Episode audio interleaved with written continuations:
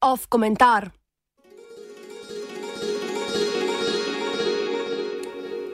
Dokapitalizacija nutri.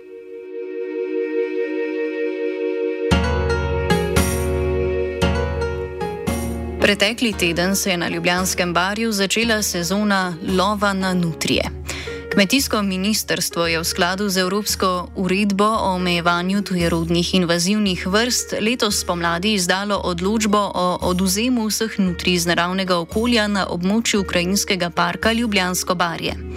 Besedna zveza oduzem iz okolja ne nakazuje ravno na to, da bodo nutrije ulovili in jih kasneje usmrtili. Zato bomo v tokratnem komentarju uporabili besedo pokol. Nutrije bo v daljšem časovnem obdobju klalo več lovskih družin, ker se je ta invazivna tujerodna vrsta preveč namnožila in povzroča škodo lokalnemu ekosistemu. Na letni ravni naj bi lovci poklali okoli 3500 nutrij.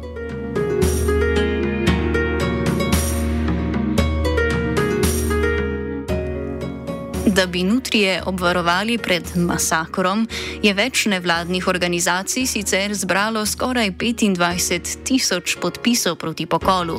Podpise pa so predali tudi kmetijskemu ministrstvu, a je bila državljanska pobuda neuspešna. Ena od pobudnic zbiranja podpisov proti pokolu nutri, partnerico premijeja Tino Gabr, je, potem ko je predstavila svoje argumente, kritiziralo več strokovnjakov, čež da njene ugotovitve nimajo znanstvene podlage.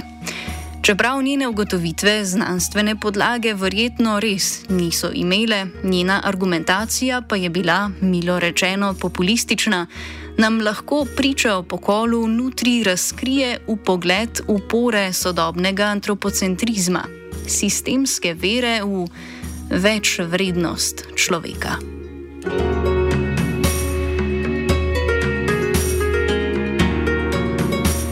Nutrije oziroma bobrovke spadajo v družino velikih glodavcev in izvirajo iz Južne Amerike. V Slovenijo pa so prišle zaradi ekonomskega interesa rejcev, ki so jih gojili na krznarskih farmah, ker so se njihovi kožuhi uporabljali za izdelavo krznenih plaščev. V naravni ekosistem so se nutrije v Sloveniji po navedbah profesorja Borisa Krištufka iz Kustodijata za vretenčarje pri Prirodoslovnem muzeju Slovenije naselile potem, ko so pobegnile z farme Zajfrid Reiter na pobrežju pri Mariboru.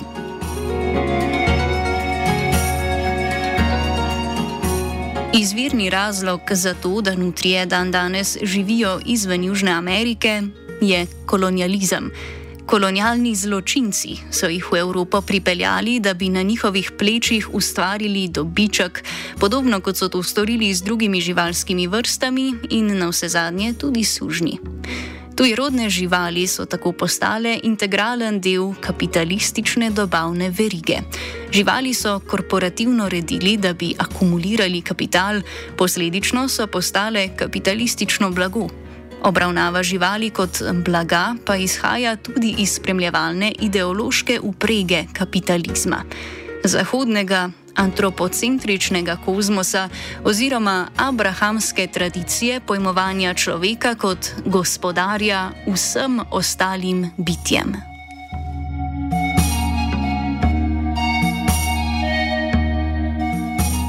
Tudi slovenske nutrije so sprva služile ustvarjanju dobička. Ko so pobegnile iz ujetništva, so se v divjini namnožile in postale del ekosistema. S pobegom iz cikla kapitalistične proizvodnje pa se je spremenilo tudi njihovo pojmovanje. Dokler so buržuji kupovali krznene plašče iz njihovih kožuhov, so bile zaželene. Na prvem mestu seznama za pokol pa so se znašle, ko so začele delati škodo in to ne samo okoljsko.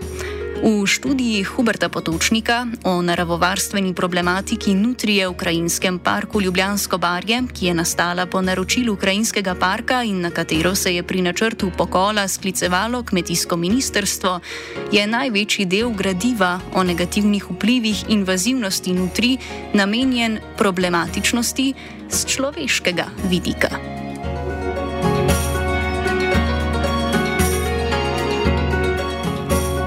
Med negativnimi posledicami za človeka je navedeno, da lahko nutrije povzročajo škodo na polščinah, da predstavljajo nevarnost za potencijalen vpliv na živinorejo, ter da lahko spodkopljajo rečne brežine in druge nasipe.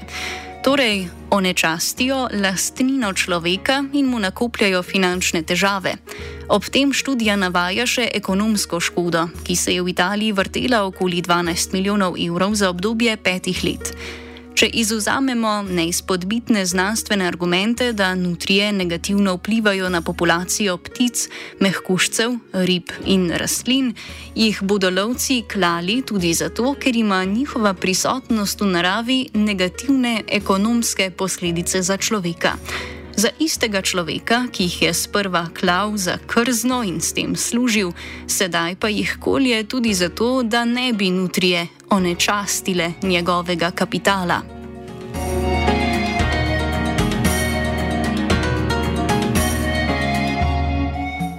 Če se pokol nutri ponuja kot edina možnost, da ekosistem na Ljubljanskem barju ponovno zaživi po birokratskih merilih naravoslovnih znanstvenikov, nam ne preostane drugega, kot da jim verjamemo. Ne moremo pa mimo tega, da tudi njihova znanstvena dojetja, ki so aplikativna za preprečevanje izgubljanja žlahtnosti kapitala, temelijo na antropocentrizmu. Pa ne samo na primeru nutri, ki jih pojmujejo za invazivne kolonizatorske vrste. Temu, da so nutrije invazivne, je namreč botroval samo en dejavnik: človek človek, ki je nutrije izuzel iz njihovega naravnega habitata, človek, ki jih je zasužnil, človek, ki jih je za invazivno vrsto označil, ko mu niso več pomagale pri akumulaciji kapitala. Človek, ki jih je poklal, ko je uvidel, da bi bilo bolje, če jih na tem koncu sveta sploh ne bi bilo.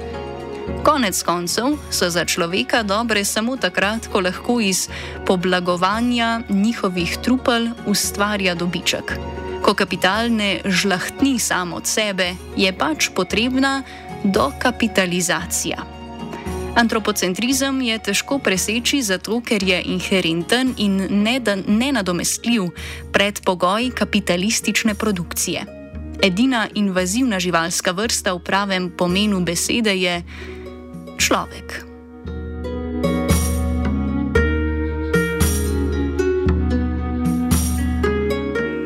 Komentiral je Matija.